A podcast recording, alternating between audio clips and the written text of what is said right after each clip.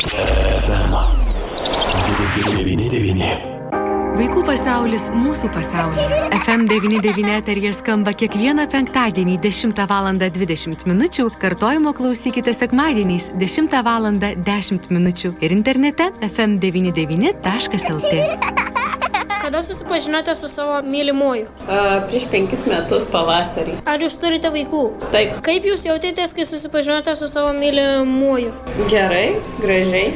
Kaip jūs apibūdintumėte meilę? Širdį šildantis jausmas. Kai nejautėte meilės, ar jums reikėjo jos? Visiems reikia meilės. Ko palinkėtumėte žmonėms, kurie nesurado meilės? Dar surasite, turėkite kantrybės. Kas yra meilė? Kokia ji? Kada pirmoji meilė mus aplanko? Ar visuomet ji būna džiaugsminga ir laiminga? Ir ką daryti, kai skauda širdelę? Juk nors tėvų meilė, rūpestis, apkabinimai, buvimas šalia neapsakomai svarbus vaikui, jo raidai, tačiau ateina metas, kai vien tėvų meilės vaikams nebeužtenka. Tad apie tai pasikalbėkime daugiau. Šį kartą laida FM99 eterija skambės penktadienį 11 val. 15 min. ir internete fm99.lt, taip pat radio laidas Vaikų pasaulis mūsų pasaulyje. Stebėkite ir klausykite YouTube kanale. Vaikų pasaulis mūsų pasaulyje. Prie laidos finansavimo prisideda spaudos, radio ir televizijos rėmimo fondas. Sveiki, gyvi brangus FM99 klausytojai, vaikų pasaulis mūsų pasaulyje ir vėl radio eterija. Studijoje prie mikrofono esu aš Eglė Malinauskinė ir žinoma, laba diena, sakau Gytėjai Augustinaitytė. Gytė, labas. Sveiki.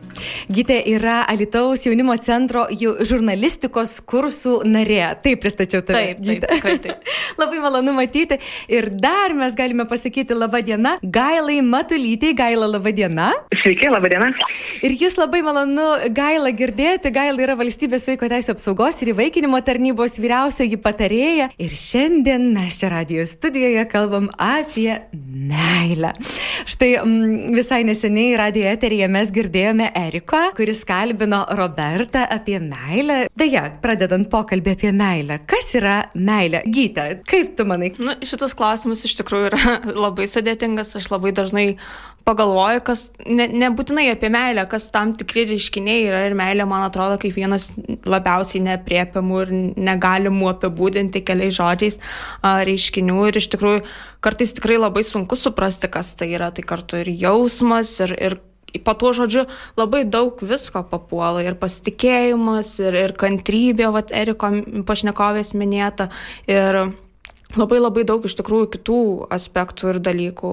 Man pačiai būtų labai įdomu išgirsti, ką psichologija mano, kas ta, tikrai, kas ta meilė iš tikrųjų yra. Mhm. Kas yra meilė, galime paklausti ir Gailos Matulytės, vaikinimo tarnybos vyriausiosios specialistės Gaila. O kaip jūs galvotumėt, kas tai yra meilė?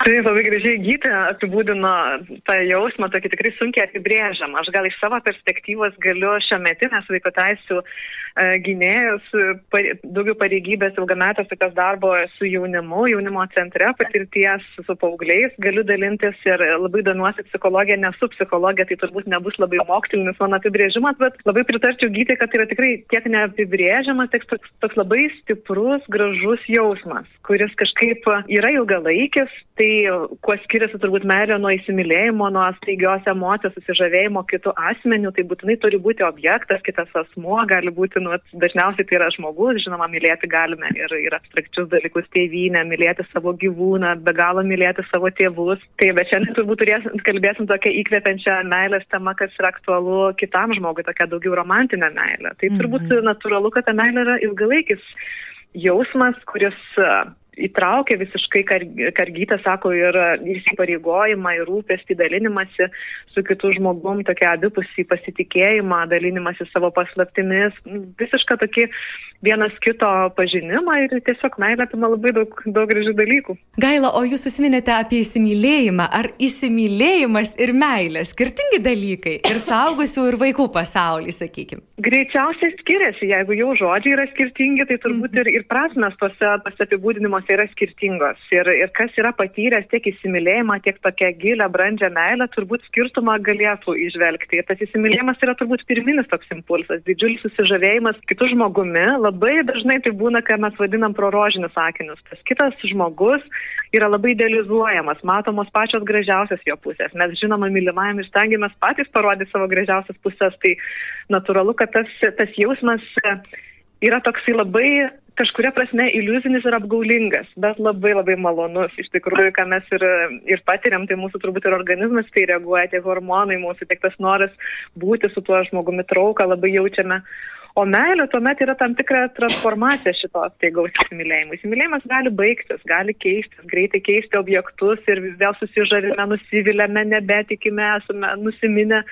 Meilė tveria ilgiau. Meilė yra toks, toks jau santykis, kur mes esame pasiryžę atleisti, pasiryžę suprasti, pamatyti netobulą tą savo mylimą žmogų artimą. Tai meilė yra tokia šiek tiek platesnė, brandesnė savoka ir turbūt jausmas. Ir, ir, ir yra šiek tiek, šiek tiek gilesnis jausmas. O kaip sakote dabar, kad meilė iš tikrųjų yra brandi, gili ir aš su tuo labai sutinku, bet ar nebūna meilės iš pirmo žvilgsnio, ar, ar tas iš pirmo žvilgsnio yra tik tai susižavėjimas, tas įsimylėjimas, kaip jūs ir sakėt, kuris gali praeiti, ar, ar vis dėlto gali būti ir ta tikra meilė iš pirmo žvilgsnio, kaip filmuose, tarkim.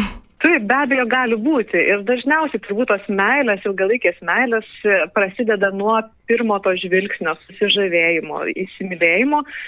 Ir čia galbūt daugiau ta meilė iš pirmo žvilgsnio yra toks jau is, meilės istorijos prisiminimas, ar ne? Aš galiu pasakyti, aš įsimylėjau žmogų iš šitą, su kuriuo gyvenu jau daugybę metų, aš jį įsimylėjau iš pirmo žvilgsnio. Tai yra susižavėjimas, kuris niekada ir nesibaigė. Jisai tik stiprėjo, peraugo į pagarbą, į, į kitus tokius jausmus, bet galėjo tas pir, pirmasis meilė iš pirmo žvilgsnio pasibaigti tada. Arba, sakykime, jeigu pirmas žvilgsnis yra toks iliuzinis, tai kai aš į žmogų pažiūriu antruoju žvilgsniu, atidžiau pasižiūriu, meilė gali stiprėti arba gali jinai baigtis. Mm. Tai meilė iš pirmo žvilgsnio yra tiesiog toks impulsas, kuris labai tapatus įsimylėjimui, bet jisai būtinai tas pirmas žvilgsnis gali ir trukti visą gyvenimą. Ar galima tuomet sakyti, kad vaikystėje, nes tikrai turbūt bus ne vienas žmogus, kur sakys, kad va, net ir darželėje aš buvau įsimylėjęs. Aš asmeniškai buvau įsimylėjęs berniuką darželėje, iš tiesų. Nežinau, kaip tu gyti, ar buvai. Aš irgi buvau. Ir tavai. Gaila, o jūs ar buvot darželėje, kokią meilę, ar turėjote, jeigu teko darželį lankyti? Taip, žinoma, turėjau visi seneliai ir tėvai žinojo apie mano meilę ir visada kažkaip su tokia pašaipa visada primindavo, tai o va. kokia rimta buvo ta meilė. Su pašaipa, tai va, tas požiūris į vaiko, į meilę ar įsimylėjimą. Ar yra amžiaus riba, kur, sakykime, va, dabar jau reiškia galima įsimylėti ir mylėti, o tada tai dar ten ne, ne, ne, ten nesąmonė tokia, ten nebūna, nebūna. Aš gal tokios aiškios ribos nenubrėšiu, bet pasižiūrint į vaikų, į žmogaus bendrai raidą, tai yra labai labai normalu, kad daugelis mergaičių berniukų sulaukia tų 6-7 darželio e, pradinių klasių e, metų amžiaus, jaučia meilę ir tos švelnius jausmus priešingos lyties vaikui. Mhm. Labai esame matę, kad tikrai nori vienas už kito už rankos paimti, nori kažkaip kartu būti. Ir tai yra daugiau tokia švelni susižavėjimo ir tokio, nu mes kažkaip tie vaikai grožisi vieni kitų, tokia susižavėjimo, gražaus jausmo banga. Ir tai yra kažkokia meilės apraiška vis tiek. Mes mhm. sakom, kad jie myli vaikai vienas kitą. Paskui bręstant, tarp 9-11 metų maždaug prasideda tas lytinis brendimas, kai ypatingai keičiasi jauno žmogaus, to vaiko kūnas, kai jau daugybė klausimų iškyla, labai formuojasi stiprus smegenų pokyčiai, žmogaus asmenybė formuojasi, pradeda formuotis. Tai tarsi vaikai atsitraukia nuo tos žavėjimosi priešingai lytimi sušoka į tokias grupės. Ne, turbūt esame matę labai jaunų paauglių, ar ne 9-11 metų, kur jie yra tarp tos paties lyties bendramžių, to tokio noras būti gaujoje, priklausyti draugų bendruomenė, atsiriboti nuo tėvų, toks savotiškas maištas prasideda. Tai čia toks jau daugiau mes į, į savo tokių bendramžių, tos pačios lyties vaikų grupę esame linkę. Jau tada kokios 13-16 metų paaugliai pradeda flirtuoti. Taip yra tokie bendrėjai tyrimai daromi, kad kažkaip jau tada prasideda noras surasti tą vienintelį tokį asmenį, kurį aš galėčiau, kuriam galėčiau slapčiausias paslaptis patikėti, kuriam galėčiau, kurio galėčiau visiškai pasitikėti. Jau tai nebėra šeima, bet tai yra tas būtent daž, dažniausiai tai yra priešingos lyties asmuo, ar ne? Ir, ir visai gali būti, turbūt, kai formuojasi tas lytinis tapatumas, asmens tapatumas, aš pradedu save geriau pažinti. Tai būtent va, tas, tas tarpsnis, paauglystės tarpsnis, kur prasideda flirtas, noras pažinti kitą žmogų, toks artumas mesgasi. Ir tik tai jau toks vyres, vyresnė paauglystė, jau 17-18 metų, tai turbūt jau tai yra tos jau brandesnės šiek tiek meilės patirtys, jau tų seksualinių santykių patirtys, mm -hmm. ne, kur jau toks artumas, išbandymas vienas kito, ar toks įsipareigojanti tokia meilė gali formuotis. Tai, tai tokie maždaug yra raidos etapai ir ta meilė turi būtent pačių vyriausių atspalvių. O kaip ar skiriasi vaikino ir merginos meilė, ypač paauglių amžiuje, nes, na, um, manau, kad yra tų skirtumų, bet, bet vat, kaip iš jūsų perspektyvos, ar tikrai yra kažkas kito tarp vaikino meilės ir merginų? Čia galbūt, nežinau, gytė, jūs pati galite irgi iš savo patirties pagalvoti ir atsakyti, ar ne, ar jūs bendramžių tarpe išvelgiat kažkokius skirtumus. Aš nenorėčiau sakyti kažkaip, kad meilė kaip jausmas labai skiriasi, nes tiek vaikinas, tiek mergina gali išgyventi labai labai gilų jausmą ir labai gilų liūdėsi netekę savo mylimo žmogaus, išsiskyręs arba siekdamas ir, ir negaudamas tos atliepiančios meilės. Tai tokie labai labai stiprus jausmai ir abiems, abiejų lyčių paaugliams yra jie tikrai panašus. Gal čia daugiau yra ta meilės išraiška, kaip skiriasi, kaip aš ją parodau, kaip aš ją išreiškiu mylimam žmogui. Ir čia jau gali būti kažkuria prasme ir psichologiškai už, užprogramuoti tam tikri skirtumai, ar ne, tiek berniukų, tiek mergaičių, galbūt ir ta branda berniukų gali būti vyresnė, turėti šiek vėlesnė, turėti šiek tiek įtakos, galbūt berniukai daugiau linkia kažkaip per veiksmą, per dėmesį rodyti, per kažkokį, nežinau, buvimą kartu, per nuotikius kartu kvietimą e, mergaitės praleisti kartu laiką. Mergaitės galbūt linkusios daugiau į emocijų raišką, daugiau linkusios pasikalbėti, išreikšti jausmus, tokios mes kažkaip turim stereotipiškai, kad mergaitės tai plėtesnės, o berniukai tai tokie orientuoti į kažkokius tikslų siekimų. Stereotipiniai dalykai, kur, kur ateina iš bendrosios mūsų ir, ir auklėjimo galbūt, ir evoliucinės istorijos, ar ne, kad vyras tai turi jau parnešti mamutą į namus, pasirūpinti, globoti, užtikrinti saugumą, o mergaitė jau turėtų tarsi orientuotis į šeimą, į žydinį, į šeimos kūrimą, į vaikų gimdymą, tai tarsi kažkur yra užprogramuota, bet aš sakyčiau, sakyčiau, kad e, labai persipina tas, tas at, ir jausmas, ir jausmų reiškimas, ir, ir mergaitės gali būti aktyvesnis reikšti jausmus, nebūtinai tik berniukai, ir, ir berniukai gali būti jausmingi arba viduje laikyti labai stiprius jausmus. Tai turbūt panašiai išgyvenam ir labai svarbu tik tai, kad su kuo aš galiu apie tai pasikalbėti, su kuo, kad nelikti visiškai vienam tam jausmų tokio jūroje. Ir, ir jeigu vat, ar manęs nemyli, arba, arba aš labai myliu, bet vat, kažkaip kažkas nepavyksta, arba net ir pasidžiaugti su kuo turėti, tai labai svarbu, kad kaip tie jausmai besiskirtų, bet kad turėčiau aš su kuo pasidalinti. Vaikai ar paaugliai, jau paauglystė, tai ir vyresnė jau kaip paauglystė būna, ar jie linkia kalbėti daugiau su tėvais, ar tėvai turėtų ramiau reaguoti, kad su jais nekalbama, gal dažniau durys uždarytos būna, ar tai daugiau pokalbiai yra tarp bendramžių, tarp draugų. Aš manau, kad normalu, kad e, yra tas būtent kalbant apie meilę, ryšys artimesnis su, su bendramžiais, nes, mhm. na, ir, ir iš mano pačios e, patirties, na, atrodo, kad jie tave geriau supranta. Gal ir ne visada geriau supranta, bet taip atrodo paauglių, e, paauglių amžiuje tokiam, tai, tai ir, ir, ir šilčiau pasikalbėti su, su draugu ar drauge e, ir, ir paprasčiau atrodo, nes, na, tėvams labai dažnai reikia paaiškinti mūsų dienos aktualijas, kaip mes bendraujame, kaip vieni kiti dalykai vyksta.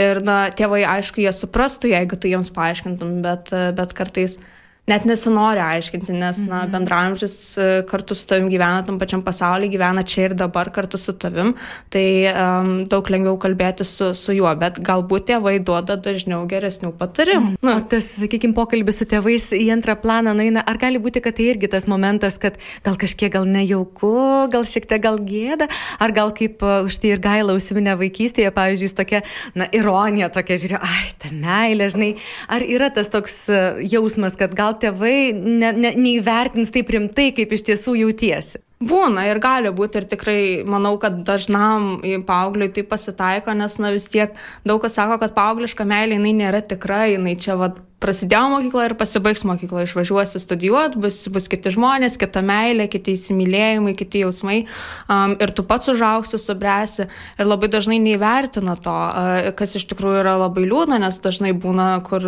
kad nu, draugystės prasideda dar pradinėse mokyklose net tokių atvejų yra, ar, ar, ar gimnazijose ir jos išaugo, paskui žmonės išvažiuoja, gyvena kartu ir kuria šeimą.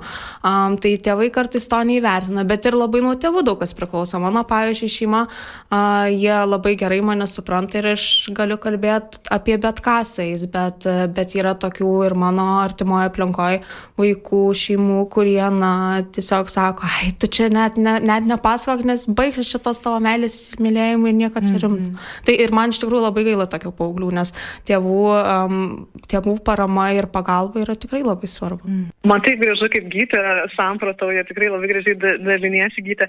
Tai kažkaip net ir sunku kažką pridėti prie to, kad nu, vat, tėvams kažkuria prasme reikia susitaikyti, kad bus etapas, kai paauglys, kai jūsų vaikas nesidalins pačiam didžiausiam paslaptim pirmiausia su jumis. Tikrai tai bus pirmiausia draugai, galbūt kažkoks saugęs patikimas asmuo tuose pačios jaunimo centruose, galbūt mokykloje, kuriuo galės jie pasitikėti kartais labiau, nes tėvai jau yra nu, kažkuria prasme tokie jau perprasti tų mūsų paauglių, ar ne, jau žinomi jų elgesio standartai, jau kažkaip vertinimas toks ir tikrai dažnai pasirodo, kad tėvai nuvertina tą paauglystę. Mes tarsi iš tos saugusio perspektyvos, kai jau žinom, kaip, kaip gali gyvenime būti, kaip dažnai tos meilės įsimylėti, įsimylėjimai pasibaigė, mes tarsi ne, ne pas, nesam pasirengę išklausyti paauglio, o kaip yra dabar, o su kuo jisai gyvena, o kas vyksta jo, jo galvoje, jo širdyje, taip kantriai ir dėmesingai su tokiam patį išklausyti. Tai tarsi sako, matyri, ką gytė sako, nuvertina, tai čia nieko tokio, čia praeis, arba jeigu nemyli paliko, eik toliau į priekį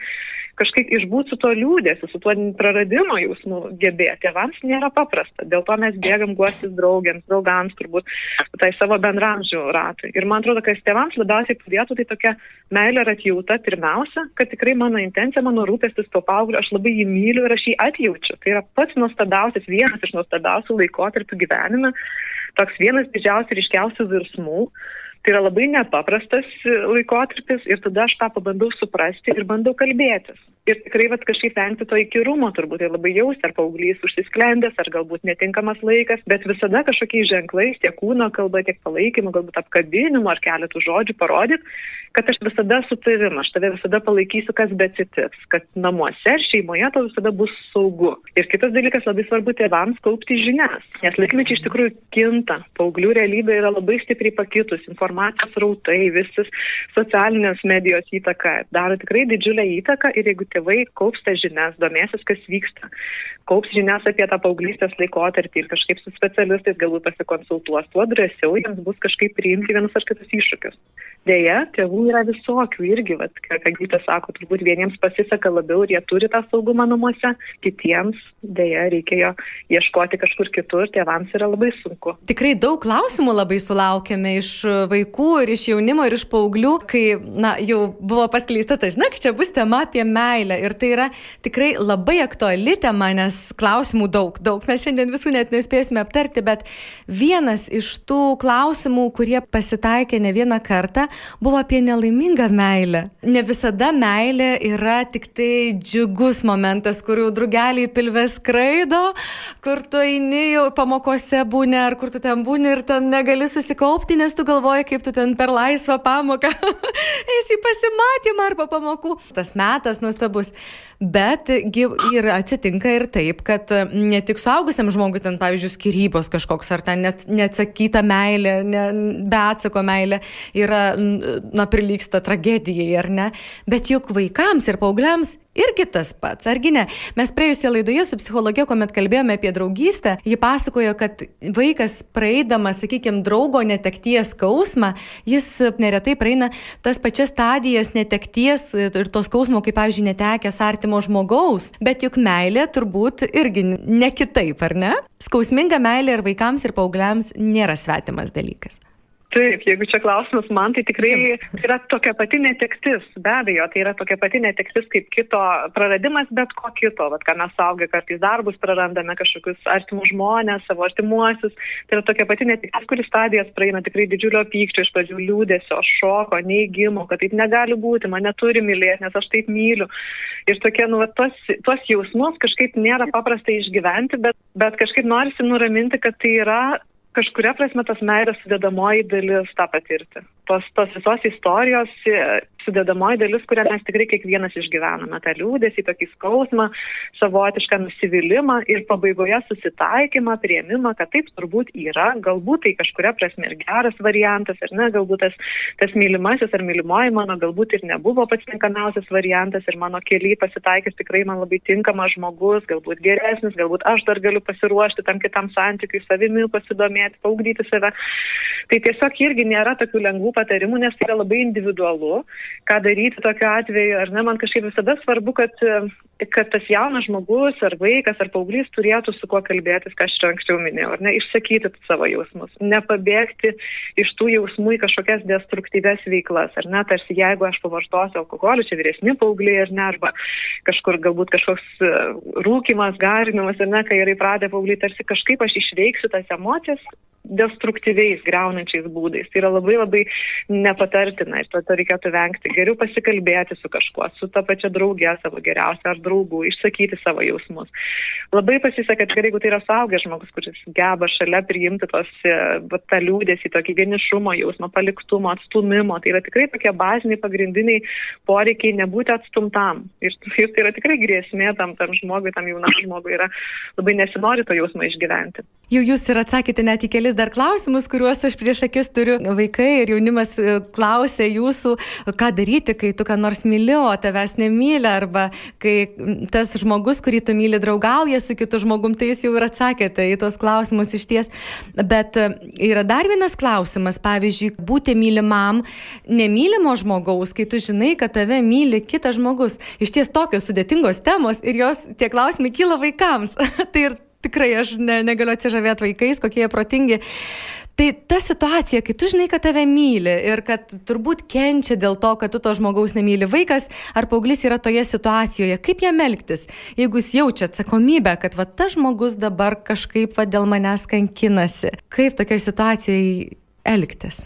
Čia turbūt net ir saugę mes neturim atsakymą. Ar ne Taip. kiekvienas pasižiūrėjo į savo istoriją, kai mane myliu, aš negaliu to pačiu jausmu atliepti, yra be galo sudėtinga. Ir tada labai vėlgi individualiai galima žiūrėti, o koks yra tas santykis, kaip jis yra gimęs, kaip jisai susiformavo, kaip mes susipažinome, kokiais būdais tas, čia šiuo atveju vaikas, mano, mano draugas ar, ar paauglys pradėjo reikšti tuos jausmus, kaip jis man parodė, kad mane myli.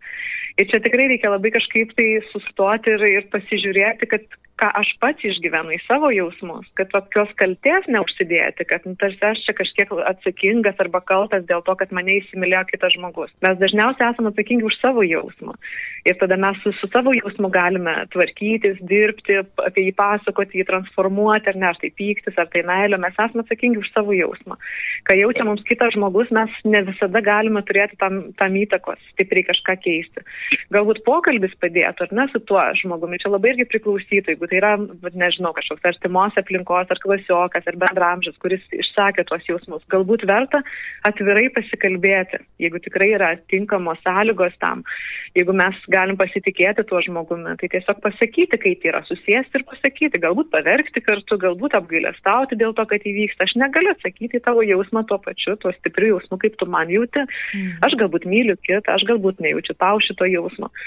Ir tas pokalbis gali padėti. O, o jeigu atsitinka atvirkščiai, aš visai siūlyčiau ir atsitraukti šiek tiek, ne, nebūti įkyriam ir įkyriai demonstruoti savo meilės, nes toks tai tikrai labai sunkios emocijos ir labai daug energijos tam išeikvojama, užkariauti tą kitą meilę. Tai geriau kažkuria prasme turbūt nesikauti už ją iki, pa, už, iki pat paskutinių jėgų, bet tiesiog labai kartais ir racionaliai pasvarstyti. Ar ne? Jausmas yra neracionalus dalykas, emocija, bet kažkaip kažkurioje vietoje jungti savo mąstymą, protą, pasidėlioti kažkaip tai situaciją. Galbūt būtinai pasitarti tikrai su kažkuo, ar tai tos pačios jaunimo linijos, vaikų linijos patarė, va tokiais sudėtingais klausimais apie tą jausmą papasakoti ir gal kartu gims labai unikalus sprendimas, kuris tiks būtent konkrečiam vaikui paaugliui. O jeigu kalbėtume dar apie vaikus, kartais ypatingai, kai dar yra tas ankstyvas amžius ar ne, ta meilė kažkaip peraugai tokia pyktį tokią, net pradedi nekesti netgi to žmogaus, kur atrodo buvo įsimylėjęs, arba to žmogaus, kur to, to vaiko, kur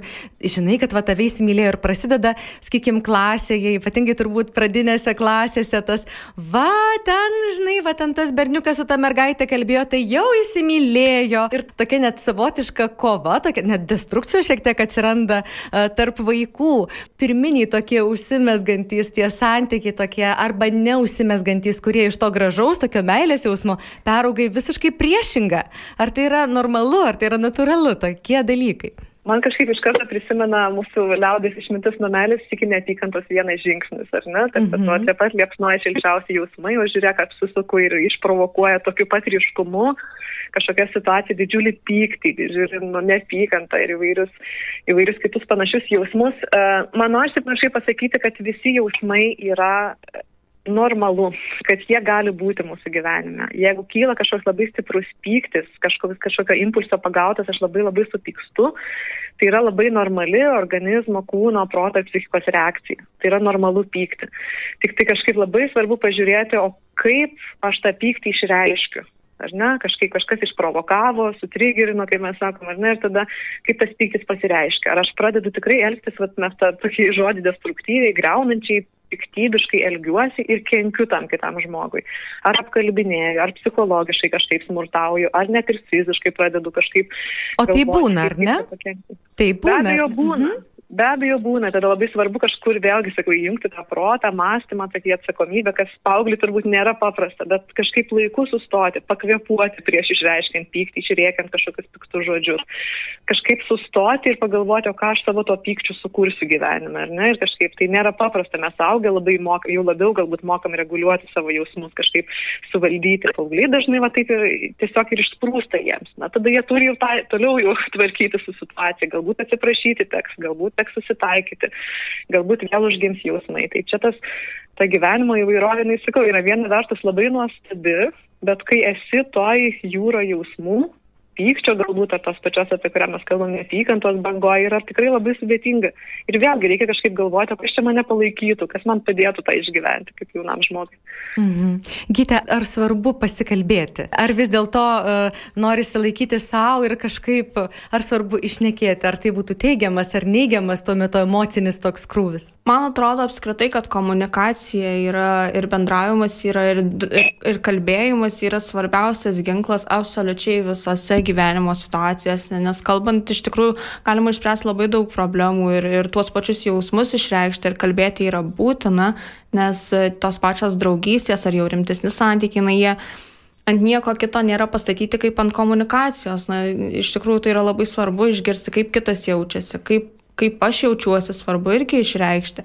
Ir, ir tas ir abipusio, abipusis pasitikėjimas, abipusis jausmas, na, jis turi būti išreikštas žodžiais, nes, na, gal kažką aš darau, kas kitam žmogui nėra priimtina, bet tai galima pataisyti ir to, dėl to nebūtina pyktis.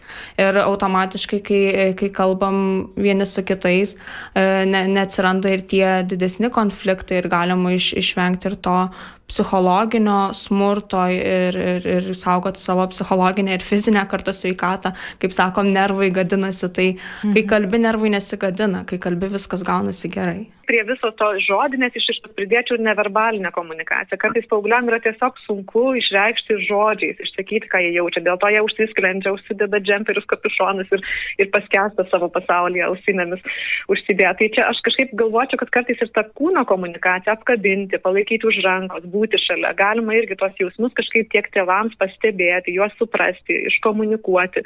Žinoma, žodžiai visada padeda aiškiau suprasti, bet kartais paaugliams introvertiškiems ypatingai ypatingai, ypatingai jautriems, nėra paprasta apie tai, apie jausmus atvirai kalbėtis. Tai kalba padeda, bet, bet gali būti visai prieiti prie prie draugo, prie paauglio, prie vaiko yra tikrai įvairiausių būdų, tai tik kantrybės reikia, kaip ir pradėjom. Na, o klausimai tai tikrai tokie svarbus ir aktualūs, tad uh, tikrai stengsiuosi užduoti kuo daugiau. Kaip Jūs galvojate, Gaila, kuriame maždaug amžiuje paaugliui yra geriausia pradėti antrosios pusės ieškoti? Ir koks jūsų požiūris į tokias situacijas, kaip pavyzdžiui 12-13 metų paauglės ima mėgsti romantiškus santykius su 16-18 metų vaikinais? Čia buvo cituojami klausimai, tai labai laukime jūsų atsakymų. taip, taip, taip, taip, kaip irgi koks amžius konkretus, jeigu aš pasakysiu metus, tai tikrai Lietuvos paaugliai ar Lietuvos paaugliai puls ieškoti tos antrosios pusės. Tai tikrai nėra skaičiaus, ar ne? Aš, kaip ir minėjau, laidos pradžioje yra amžiaus tarpsniai ir tokia branda. Jeigu aš jaučiuosi jau brandus, kažkuria prasme pasirengęs galbūt tam santykiui prisimti atsakomybę, pasirūpinti, draugauti, tai va tuomet jau ir tinkamas laikas ieškoti ir tos nebūtinai antrosios pusės, tiesiog galbūt artimo patikimo žmogaus, mylimo žmogaus, ta antroji pusė tai turbūt yra vėlesnių paauglystės laikotarpių galimybė. Tai to tikslaus amžiaus nėra, bet labai svarbu pasižiūrėti tikrai, vat, kur, kur mano emocinė branda, kiek aš save gerai pažįstu, ar aš jau kažkaip esu patenkinta savo asmenybę, ar dar turiu kažkiek patobulėti, noriu daug dalykų sužinoti, tik tada būsiu įdomesnis kitai, kitai pusiai, bet tikrai tokia aš tik kreipčiau link vėlyvosios paauglystės, skubėti čia nėra kur. Patirtis kaupti būtina, paaugliai tą neišvengiamai darys ir, ir jausmai turbūt paliks protą už durų šiek tiek, ar ne, jausmai nuves pirmą, bet tikrai, tikrai siūlyčiau neskubėti, pasinerti ant antrosios pusės gyvenimą, jau tokį kažkokį rimtesnį, ilgalaikiškesnį, tiesiog patirti, bendrauti, draugauti. Ir jau tada, kai jau pasi, abu, abi pusės jau pajunta, kad tai tikrai galbūt jau ilgesniam laikotarpiu, galbūt ir visam gyvenimui, kaip gytė minėjo, tai tikrai galima tokį santykį ir tikrai saugoti ir vertinti. Dar antrasis klausimas. Koks jūsų požiūris į tokias situacijas, kai pavyzdžiui 12-13 metų paauglė mergina ima reksti romantiškus santykius su 16-18 metų vaikinu, pavyzdžiui? Tai preliminariai, tai tiek iš savokų, kiek mes jas bendrai suprantame, toks šiek tiek neigiamas mano būtų požiūris, nors aš irgi ne iki galo žinau konkrečiai, kiek tai merginai, tai paaugliai paaugliai, ką jai reiškia romantiški santykiai su tais vyresniais asmenimis. Žinoma, tie romantiniai santykiai plėtojasi toliau, giliau į tą tokį galbūt ir lytinius santykius ir tuomet e, čia jau įsijungia tada atsakomybė, tik teisinė atsakomybė. Mes turime labai iškis įstatymus, kurie amžiaus ribas nubrėžia. Tai tikrai pilnamečiams aš, aš labai siūlyčiau žinoti šitas ribas ar ne, kad su nepilnamečiais negalima turėti, su mažamečiais visiškai įstatymas draudžia, nepilnamečiais net ir su sutikimu yra tam tikros pasiekmes. Tai labai svarbu ir tai mergaitai kažkaip žiūrėti tada, nu, taip susižavėti nėra draudžiama, kažkaip siekti susižavėti, bet tam vyresniam berniukui, kurį čia amžiaus laikotarpį nubrėžiam, tai aš tikrai kvieščiau pažiūrėti labai atsakingai tokį santykių su tokia jauna mergaitė. O tai mergaitė turbūt dar, dar domėtis daug kitų dalykų, tikrai kvieščiau, jeigu 12-13 metų, tai, tai tikrai per ankstyvas laikas romantiškams santykiams, man mm. toks būtų požiūris. Dar vienas klausimas, ką Jūs manote apie ankstyvą paauglio meilę merginai? Ar tinkamas amžius meiliai, draugystė? nuo 15 metų. Tai vėlgi, mano turbūt atsakymas bus panašus, kad niekur labai skubėti nereikia, ar ne, ta asmenybė mūsų formuojasi, intelektas formuojasi, tas, tas pats tapatumas, identitetas, lytinis tapatumas, kas aš iš tiesų esu, kas man patinka, daugybė tokių klausimų yra keliama. Ir tai yra 15 metų galbūt tai yra toks vidurys mergaičių brandos, ar ne, jos tarsi bręsta tas mm -hmm. 10-16 metų, tos lytinės brandos berniukai, kaip minėjau, šiek tiek vėliau. Tai tokio nustatyto tinkamo metų tikrai nėra, ar ne, 15 metų, jeigu yra labai brandi, galbūt ta mergaitė, jeigu jinai nori jau kažkaip kurti kažkokį tokį ilgalaikiškesnį santykį, jau nori ilgiau kažkaip bendrauti, nėra toks trumpalaikis susižavėjimas, tai, tai tikrai kažkaip eiti į tą pažintį, į santykį, neskubant, tai tikrai galima, bet, bet kažkaip labai aš kvieščiau irgi matuoti, žiūrėti, pasitarti su savo tėvais apie įvairiausias temas, kurios rūpi. O tų klausimų begalė kyla 15 metų ar 14 ar 16, jų tik daugėja, tai kažkaip norisi labai gerbti savo ribas, tada žiūrėti, pažinti savo kūną, mokėti sakyti ne, susitarti, tada nu, kažkaip tokių daug yra temų, kurias tie paaugliai turi išsispręsti besi, besiformuodami šito laikotarpio. Na ir matau, kad nespėsiu visų klausimų aptarti. Iš tiesų labai daug klausimų buvo susijusių su meilė tėvams. Ar pasikeitusi meilė sampratas, sakykim, tarp dabartinės kartos jaunų žmonių ir, pavyzdžiui, tėvų senelių kartos, apie nemailę, apie vaikų meilę augančių globos namuose, sakykim, tėvams, kurie, na, galima būtų įsivaizduoti, nemyli vaikų ar ne. Labai labai daug klausimų, kurių mes jau šiandien nespėsime aptarti. Gaila, ar aš galėčiau prašyti jūsų, kad mes pratestume kitoje laidoje dar šią temą meilės. Žinoma, nes tikrai tęsiasi, aš suprantu, labai svarbios temos. Taip. Sužavėta, kokius klausimus kelia tikrai jauni žmonės, nuostabu yra ir labai kai kurie net ir jautrus klausimai, labai skaudus gali Mhm. būti. Tai tos atsakymus gauti aš tikrai galėčiau pasamprotauti, padėti iš vaiko teisų perspektyvos ir galbūt iš tos psichologinės domėjimus mm. savo srities pusės. Tai, Nuostabu. tai mielai. Tai tuomet pratesime dar tą temą. Ir paskutinis klausimas gal šiandien, kuris taip pat buvo pateiktas vaikų klausimų sąraše. Vaikai klausia, kaip suprasti, kad iš tikrųjų myli žmogų. Na va, turbūt ir, ir pasiklausti, myliu ar nemyliu. Ir to atsakymo taip ar ne, greičiausiai vieno jo ir nebus, nes meilė yra irgi iš to pačiu, kaip jausmas, taip yra ir procesas, ar ne? Ta meilė gali stiprėti, gali silpnėti, banguoti, kokios formos ta meilė, ar jinai kaip draugiška tokia, daugiau tampa į romantinę, ar, ar jau ta išmintinga vadinama meilė, kur jau tokia brandesnė, atleidžianti, toleruojanti, kažkaip primanti. Tai kaip suprasti, tiesiog būti su tuo žmogumi ir kartas nuo karto pasitikrinti, ar ne? Arba kai sako myli, dar paklausti, kokia už to prasme, ką tai reiškia man, ar ne, kaip aš tą meilę parodau, ar dar tikrai myliu, jeigu yra santykė tie vaikai. Bet ta meilė yra tiesiog gražus jausmas ir, ir dažnai mes suprantam myliu. Arba ne. Ir jau kai myli, tai turbūt jau klausimas nekyla. Kaip manai gytė, jau kai įsimylė ir myli, ar dar kyla klausimas, ar myli ar ne? Ar, ar jau tu žinai, kad tikrai? Klausimų gali visada kilti, bet manau, kad kai jau tu myli, tai tau klausimo tikrai net kils, va, ar kitas myli, va čia yra didžiausias klausimas, bet vėl per komunikaciją, komu, bendravimą viską galima išsiaiškinti. Taip. Gaila, šiandien nuoširdžiausiai dėkojame Jums, iš ties planavome 20 minučių, o gal net ir trumpiau, o va prašom, ta tema taip išsitėse, kad tikrai reikės dar vienos laidos. Labai labai ačiū Jums šiandien, kad galėjote skirti savo laiko, aš linkiu Jums irgi mylėti ir būti mylimai. Ačiū Jums labai nuostabus palinkėjimas gražinu taip pat, tiek gytai, tiek Jums tą, tą meilę išgyventi tikrai pačiamis gražiausiamis formomis. Įdomu buvo su Jumis šiandieną būti. Atsisveikiname su Gaila Matulyte, vaiko teisų specialiste. Gytė, šiandien aš tau taip pat labai labai dėkoju už pokalbį, buvo labai įdomu ir malonu ir smagu su tavimi čia radio studijoje susitikti. Ačiū labai. Pratesti mūsų pokalbius, ar ne, ir mūsų temas. Ir dar tavęs noriu paskutinio tokio klausimo klausti.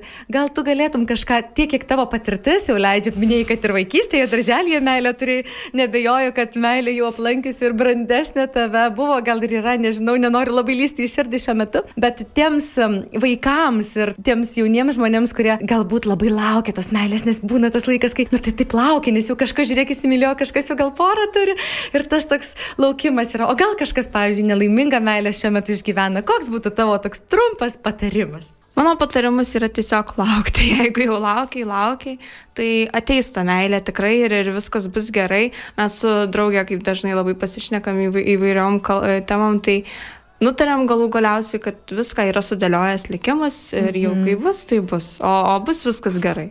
O bus viskas gerai. Labai geras palinkėjimas. Ačiū šiandien sakau ir gytėjai Augustinaitytei. Alitaus jaunimo centro jaunųjų žurnalistų kursų nariai. Studijoje prie mikrofono su jumis buvau ir aš Eglė. Ir beje, brangus klausytojai, laidos kartojimo aš kviesiu pasiklausyti sekmadienį ryte, o taip pat ir FM99 YouTube kanale galėsite ir išgirsti, ir pamatyti. Ir beje, dar YouTube kanale prie šio pokalbio jūs galėsite pamatyti interviu, kurį paruošė e, šiuo metu Danijoje viešintis Ignas ir Iveta. Jie abu vieši šiuo metu Danijoje ir Ignas beje kalbino net ir Danų jaunimą, kalbėjo apie meilę, tai va bus galima pasižiūrėti, o kaipgi kitame pasaulio krašte, kitoje šalyje gyvenantys jauni žmonės apie tai kalba ir ką galvoja. Gal meilė, man atrodo, universalus dalykas, bet pažiūrėsim, kaip yra iš tiesų. Tai su jumis prie mikrofono buvau ir aš, Eglė Malinauskinė. Vaikų pasaulis mūsų pasaulyje. Prie laidos finansavimo prisideda spaudos, radio ir televizijos rėmimo fondas.